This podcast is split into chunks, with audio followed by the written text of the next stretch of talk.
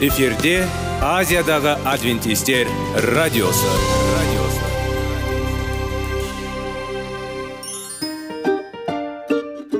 Сәлем достар. Денсаулық өмір бұлағы және біздің бірінші байлығымыз демекші денсаулық сағаты рубрикасына қош келдіңіздер. Бір кісінің ауырғанын айтқысы келмесе де ол онсыз да көрініп түсінікті болады. Өйткені ауырғанда жанымыз қиналғаны кейде соншалық сол үшін дәрі алуға қарағанда мұның бәрін алдын ала алу жақсы емес пе? Біздің рубрикада біз әртүрлі факторларменен мәліметтерменен кеңестерменен бөлісіп шын жүректен сіздердің дендеріңіз сау болғанын қалаймыз. Сол үшін біздің рубрикаға қош келдіңіздер. Дайындалып тұрыңыздар. Өйткені келесі минуттарда қызықты фактілерге ие боласыздар. Енді достар ең бірінші байлығымызды қолымызға алып алға кеттік. Бізбенен болыңыздар.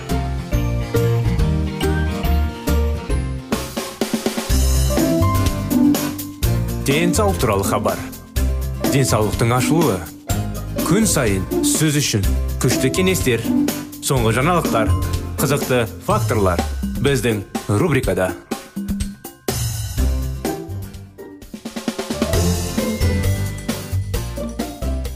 Сәлем достар. Мінекей біздің бүгінгі денсаулық сағат бағдарламасына қош келдіңіздер.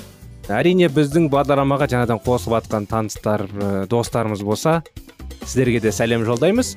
Әрине денсаулық сағат бағдарламасында әрдайым керемет факторлер жайлы керемет кеңестер жайлы тақырыптар өтеміз. Сондықтан қазір біз соңғы уақытта бірге зерттеп өтіп жатқан тақырыптарымыз қалай енді? Пайдалы қасиеттер жайлы. Әдеттер жайлы енді. Дұрыстеп толығырақ дұрыстеп айтсақ. Таңертең жүгіру әдеті жайлы бүгін сіздермен талдаймыз. Таңертең жүгіруге өмірде кем дегенде бір рет әркім жиналды.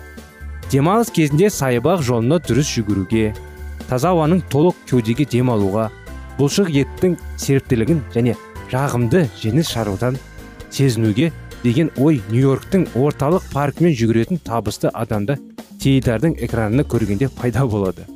Неге таңертең жүгіруіміз маңызды?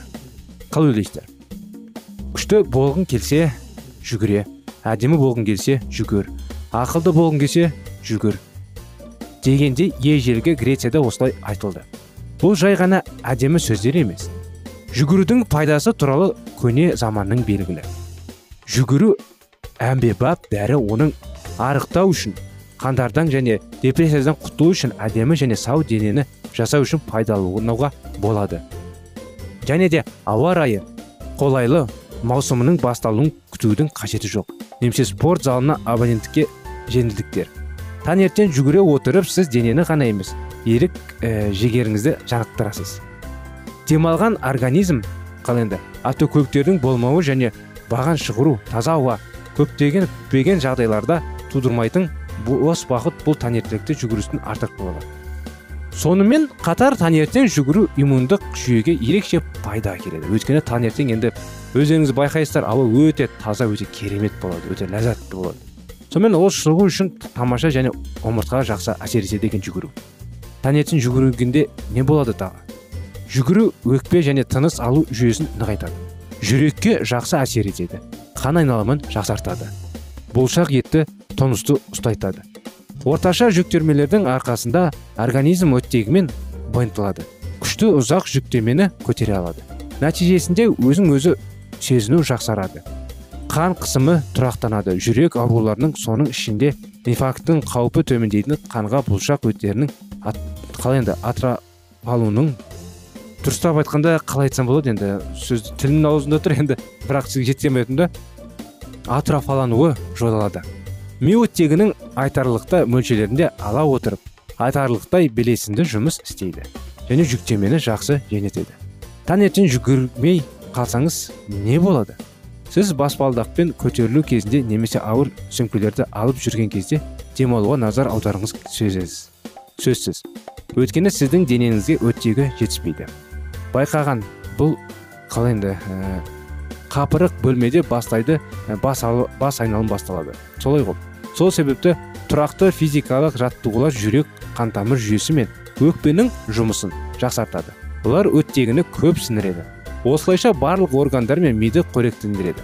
Жасына байланысты зат алмасу қалай енді баяулайды. Бірақ спорт жағымсыз өзгерістерді кейінгі қалдырудың тамаша тәсілі. Егер сіз жаттығу жүрген сайын жаттығып жүрген сайын бұлшық ет күштерін болады. Физикалық күштерсіз олар жай ғана атрофиленеді икемділік пен ә, күшін жоғалтады. Бұл нәтижелердің бірі бос жерде пайда болатын жарақтар болуы мүмкін.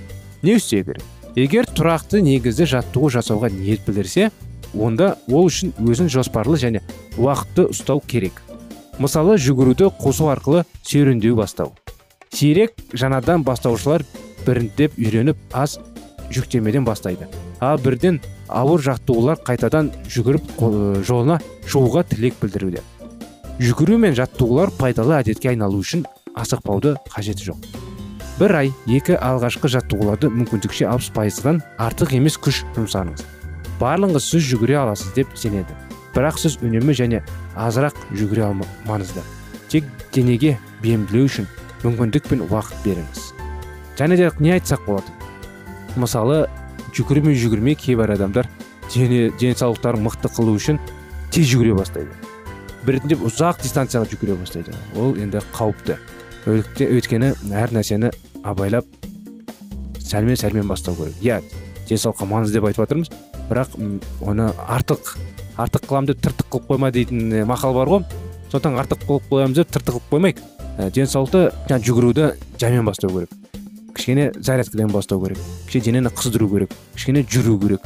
Бір ең болмаса бір 10-15 минутыңызды өткізсеңіз жарайды енді. Кем дегенде 5-6 минут соған бөлсеңіз зарядка кішкене жүруді. Одан кейін ары қарай жүгіруден бастасаңыз кішкене денеңіз қиналмай жүгіреді да. Жүгіргенде марафонистер сияқты болмаса жаңағы ұзақ жүг, қатты жүгірмеңіздер легким бегом ұзақ жүгіруге енді бара бара енді өзіңізді дене шынықтыруыңызды тығыз қалай енді? Өзіңіз формаңызды сақтауға енді спортпен айналысқан кезде сондай кезде болмаса сондықтан абай болыңыздар. Әр кеңестің өзі енді дұрыс мәселелері бар оны дұрыс қарау керек дұрыс пайдалану керек. Психологтар әдетті 21 күннен кейін қалыптасқанын айтады екен. Сондықтан бір айдан кейін таңертең жүгіруден шынайы ләззат аласыз. Ал бонус ретінде сіз сұлулық денсаулық жақсы көңіл күй және арман аласыз. Сондықтан достар мінекей денсаулықтарыңыз мықты болсын. Жүгірмей жүрген адамдар жақын арада жүгіруді бастайды деп ойлаймын енді. Жүгіретіңіздер сіздерге ризамыз. Енді жүгірмейтіндерге де ризамыз. Өкпелеп жүрмеңіздер достар әрине. Әр адамға енді күш қуат болсын жүгіруге бастауға денсаулық мықты болуға. Сонымен бізбен болғандарыңызға рахмет. Келесі бағдарламаға дейін сау саламатты болыңыздар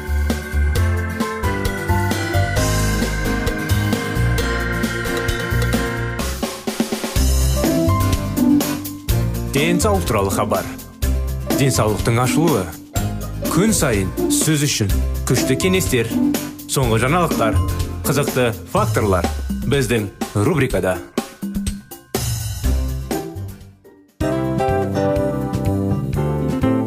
Әуелі байлық денсаулық екінші байлық он саулық үшінші байлық ақ жаулық ал енді осындай радио парақшадан кейін не дейміз? Барлықтарыңызға денсаулықтарыңыз зор болсын деп тілейміз. Денсаулықтың өзгеруі кішкентай нәрселерден басталады. Осымен біз берген кеңестер мен мәліметтер шын жүректен сіздер үшін қандай да бір болсын жәрдем берді деп үміттенеміз. Тыңдаушыларымызбен келесі радио парақшасына дейін қоштассамыз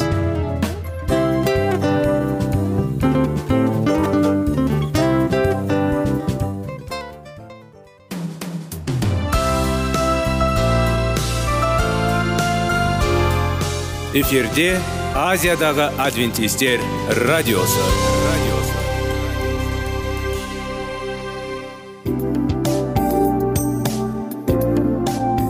Сәлем достар. Барлықтарыңызға біздің сүйікті шын жүректен сөйлесейік рубрикасына қош келдіңіздер деп айтпақшымыз.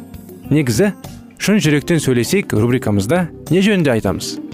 Шын жүректен сөйлесейік бағдарламасы әртүрлі қызықты тақырыптарға арналған. Махаббат деген биік тас оған ешкім жете алмас жетеді оған екі жас дегендей.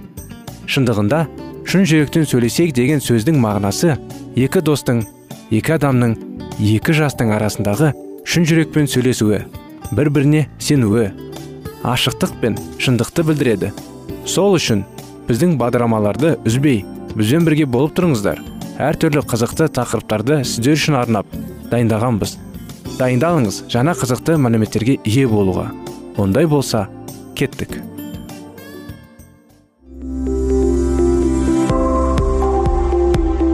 Алтын сөздер. Сырласу. Қарым қатынас жайлы кеңестер мен қызықты тақырыптар. Шын жүректен сөйлесейік рубрикасында.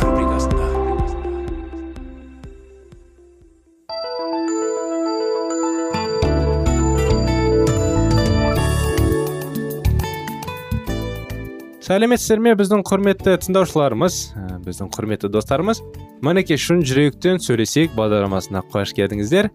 Қазіргі уақыттарда сіздермен бірге біз шектеулер жайлы кітапты талдап әңгімелеуміздеміз өйткені маңызды өмірге пайдалы қарым қатынасқа пайдалы нәрселер ішінде баяндалған екен ары қарай жалғастыра кетсек былай егер ата аналар егер басқа жұмыс тауып алмай тұрып мына жұмыстан шығып кететін болса онда біз ақша береді деп ойлама немесе егер менің үйімде наша шегудің қоймасын онда басқа үй іздеуіне тура келеді деген секілді қоққан лоққыларын орындаған болса қаншама жастар басқа дұрыс жолмен жүрген болар еді. Салоникаларға жазған екінші хатында паул келіктапта былай деп айтқан еңбек еткісі келмеген тамақ та ішіп жемісін дейді. Бұл жерде ол қалжыңдап тұрған жоқ. Құдай жауапсыздықты қолдамайды. Аштық жалқаулықты салдарынан болады. Қоршау үшін салдар жақсы тіреулерін қызметін атқарады. Солардың арқасында адамдар біздің ескертілуіміздің және біздің өз өзімізге деген құрметіміздің маңызын біледі. Бұл біздің өзіміз дұрыс деп санайтын нәрсеге сәйкес өмір сүруге деген шешіміміздің бос сөз емес екендігіне біздің өз құндылықтарымызды сақтап қорғайтынымызға олардың көздерін жеткізеді. Менің шекараларымның арғы жағында не бар? Қайырымды самариялық туралы әңгіме дұрыс әрекет жасаудың көп жақты үлгісі болып табылады. Сондай ақ ол шектеулерді қай уақытта сақтап ал қай уақытта бұзуға болатынын да жақсы белгіленіп көрсетеді. Келіңіз самариялықтың шекаралары орнатылған адам болғанын бір сәтке көз алдымызға елестетіп көрейік. Бұл оқиға сізге белгілі. Иерусалимнен ирихонға кетіп бара жатқан бір адамдарға қарақшылар шабуыл жасайды. Оны ұрып соғып тонап алады да ә, шала жансар күйінде жол бойында тастап кетеді. Бірінші болып оның жағынан діни қызметкер содан кейін леулік өтеді. Олар жаралы адамға еш назар аудармаған. Күйлерінде кете береді ары қарай. Тек самаряндық қана оған жаның ашып жарасын танады да есегіне мінгізіп қонақ күйге алып келеді. Келесі күні ол қонақ үйдің қожайына ақша ұсынып мына кісіге қамқорлық жасай гөр егер артық шығын шығарсаң мен қайтып оралған кезде төлеймін деді. Ал енді бәрімізге таныс осы әңгіменің басқаша түрде елестетіп көрейік. Жаралы адам орнынан әзер көтеріліп самарилыққа сен не? Мені тастап кете бермекпісің деді иә ерихонда менің шұғыл шаруаларым бар деді самариялық. Мұның өсімшілдік болады деп ойламайсың ба? Менің жағдайымды нашар. Маған сөйлесетін біреу қажет. Мұнда әрекетің үшін исаның сені өзгелерге үлгі ете қою ықпалы сен мені қиын сәтте тастап кетпекшісің. Мәсіхші бұлай істеуге тиіс емес. Сен өз еркің бойынша өмір сүруді қой. Деген маңызды ұстанымды ұмытанба.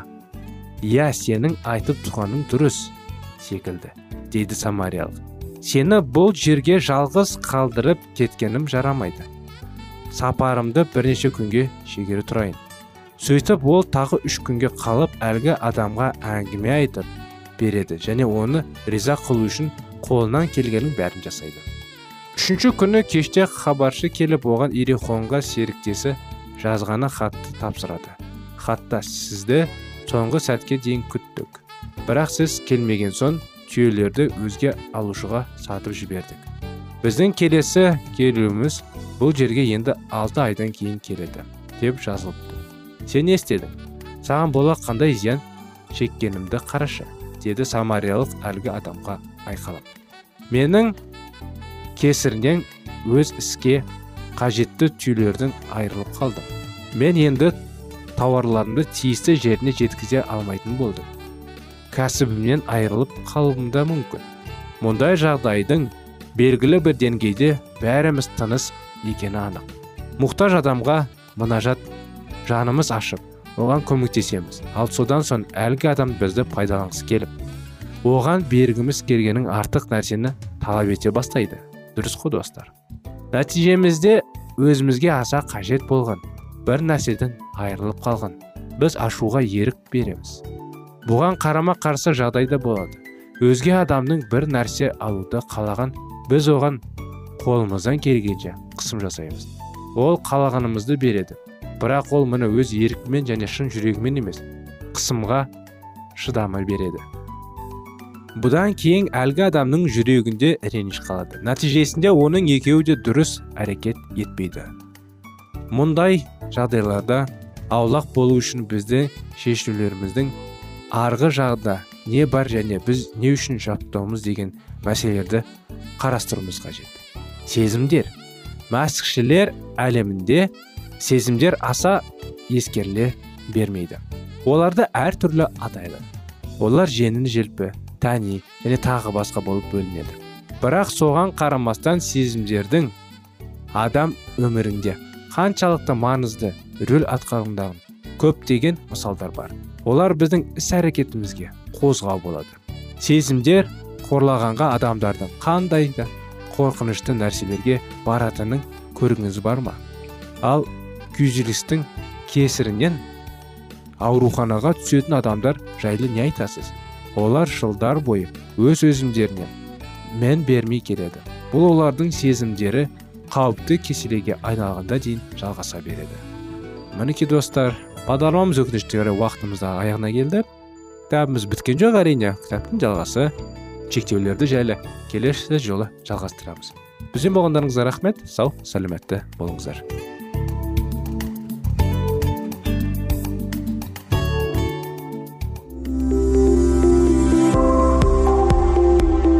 алтын сөздер сырласу қарым қатынас жайлы кеңестер мен қызықты тақырыптар шын жүректен сөйлесейік рубрикасында.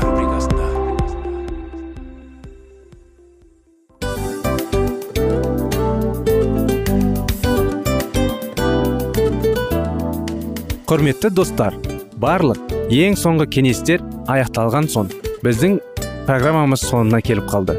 Осы біздің мәліметтер осы рубрикада айтылған әрбір сөздер сіздерге өзінің қандай да бір пайдасын алып келді деп шын жүректен сенеміз. Және бұдан да көптеген рубрикаларымыз бар. Басқа рубрикаларымызда біздің зерттеулерімізде сіздер үшін тағы да қызықты мәліметтер дайын. Біздің шын жүректен сөйлесейік парақшамызда көптеген әдістер ең соңғы кеңестер адамның нравственность жақтан моральдық жақтан тазалап байыта тұрған соңғы кеңестердің барлығын жанарады. сондықтан алдыңғы күндерде бізбен бірге болыңыздар. Өйткені барлық қызықтар алдыда. Бізбенен бірге болғандарыңызға үлкен рахмет. Келесі кездескенімізше сау сәлемет болыңыздар.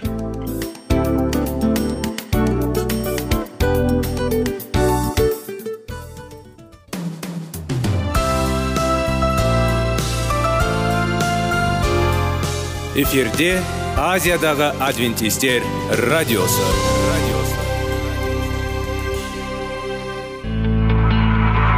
Жан дүниеңді байытқан жүрегіңді жаңғыртқан өмірдің мағынасын ойландырған рухани жаңғыру. Рубрикасы.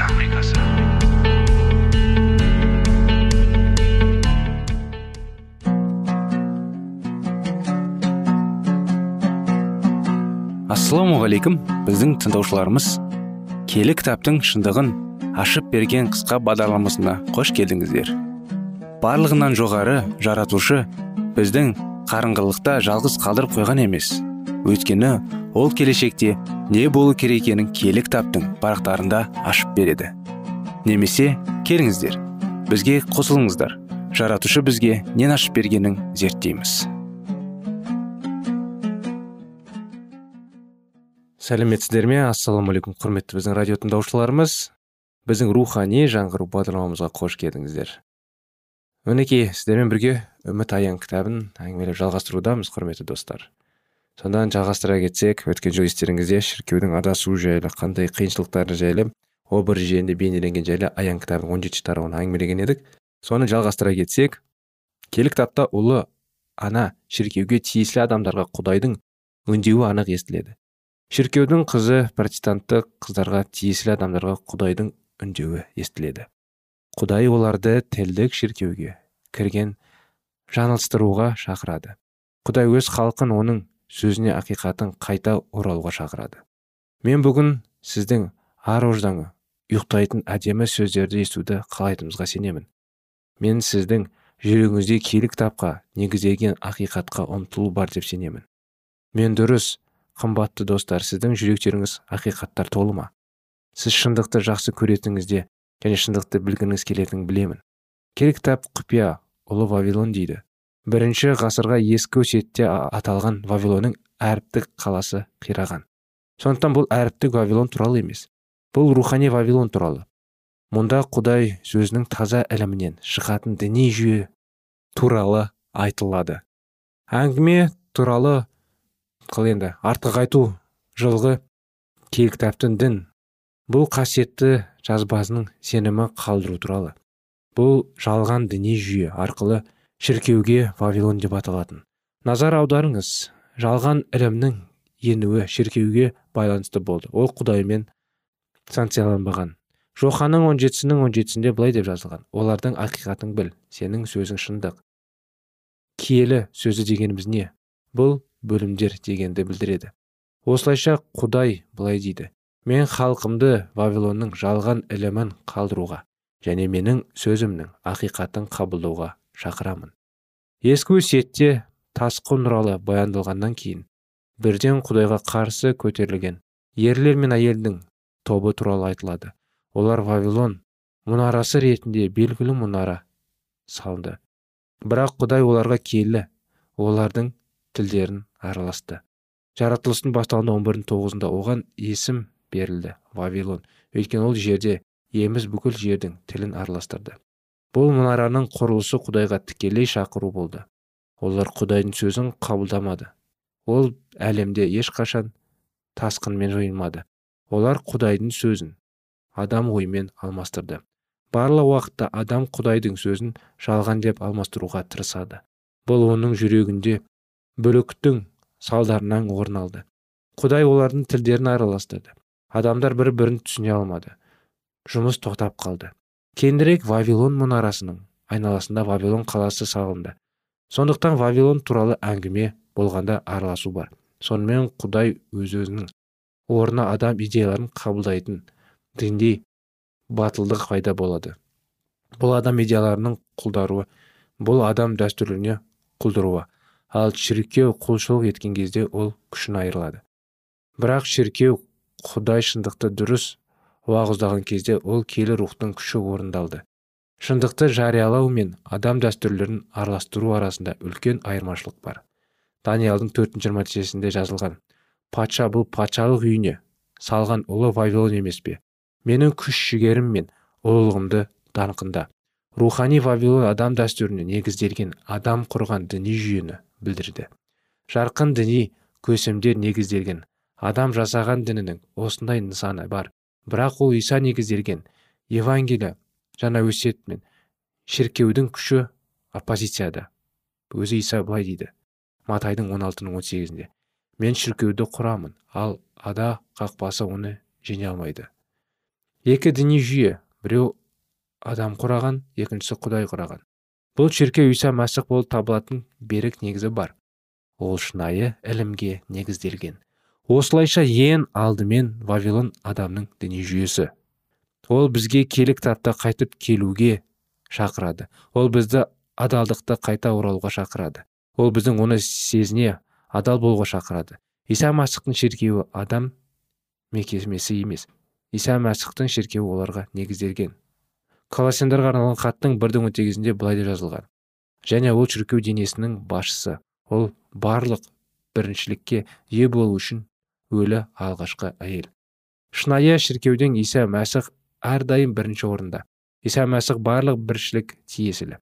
Иса мәсіх шіркеудің жалғыз басшысы. Біреу бұл туралы бір рет айтты. Шынайы құдайдың шіркеуі жалғыз ұйым. Сондықтан оның денесі жер бетінде ал басы көкте шіркеу басшысы иса мәсіх және шіркеу басшысы жер емес көкте орналасқан. Ал құпия ұлы вавилон оның басшысы қайда? Бұл әйел туралы қалай ол аңға батырды бұл жердегі вавилон туралы қалай? Жер вавилон көне өсиетте болды. Сәулетті жер тарау. Бұл вавилон патшасының сөзін сан болды. Патша навуходоносор өз ғибадатханасына патша тағына отырғанда ол құдай ретінде айтқан оның әңгімелері құдайдың үні деп саналды. Соңғы күндері тағы да рухани вавилон деп аталатын шіркеу мемлекеттік жүйе пайда болды. Оның рухани көшбасшысы құдай деп атайды. Оның сөзі құдайдан сөз деп саналды. Рухани вавилонның көшбасшысы ол өзінің тағына сөйлегенде оның сөзі көктегі құдайдың күші мен күш бар деп мәлім етеді рухани вавилонның алғашқы ерекшелігі құдайдың атынан және құдайдың орнынан сөйлейтін адам басшысы. Бірақ вавилон дүние жүйесінің екіншісі сипаттамасы бар. Ескі өсиетте вавилон бейнелерге табыну орталығы ретінде белгілі біз ешқашан аян мағынасы түсінде 17 және құпия бұл вавилон деген сөздер ескі вавилонды қарастырғанша вавилон суреттерге құлшылық ету орталығы. Бүгін мәсіх бізге тікелей келуге шақырады. Бізге келудің қажеттілігі жоқ. Оған көмегімен суреттер біз оған дін қызметкерлері қасиетті немесе басқа да тірліктеме арқылы келудің қажеті жоқ. Ол біздің бар. Ол біздің дін қызметкері.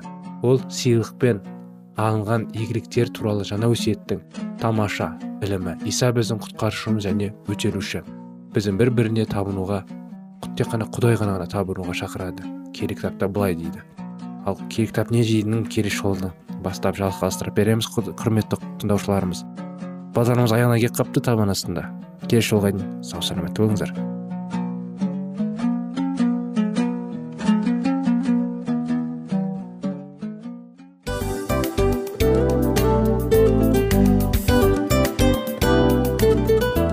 Мынау осы уақыт тез өтіп кетеді екен. Біздің бүгінгі рубрикалардың аяғына да келіп жеттік. Ақпаратымызды парақшамызды қазір ғана бастаған сияқты едік. Соңында да келіп қалдық. Уақыт деген тегі білінбей өтіп кетеді екен. Бүгінгі 24 сағаттың алтындай жарты сағатын бізге бөліп арнаған үшін рахмет. Егерде өткен сфераларда пайдалы кеңес алған болсаңыз біз өзіміздің мақсатқа жеткеніміз. Кеңестерді қолданам десеңіз өзгерістерді кішкентай қадамдардан бастап іске асыра беріңіздер де жасағандарыңыз үлкен үлкен жетістіктерге жете берсін. Шын жүректен әрбір берілген кеңестер сөздер сіздерге пайдасын әкеледі деп сенеміз. Сіздермен бірге кездесулерімізді сөзсіз түрде асыға күтеміз. Сәтті күн тілеп сіздер менің ұзаққа қоштаспай келесі кездескенімше тек қана сау саламатты болыңыздар дейміз.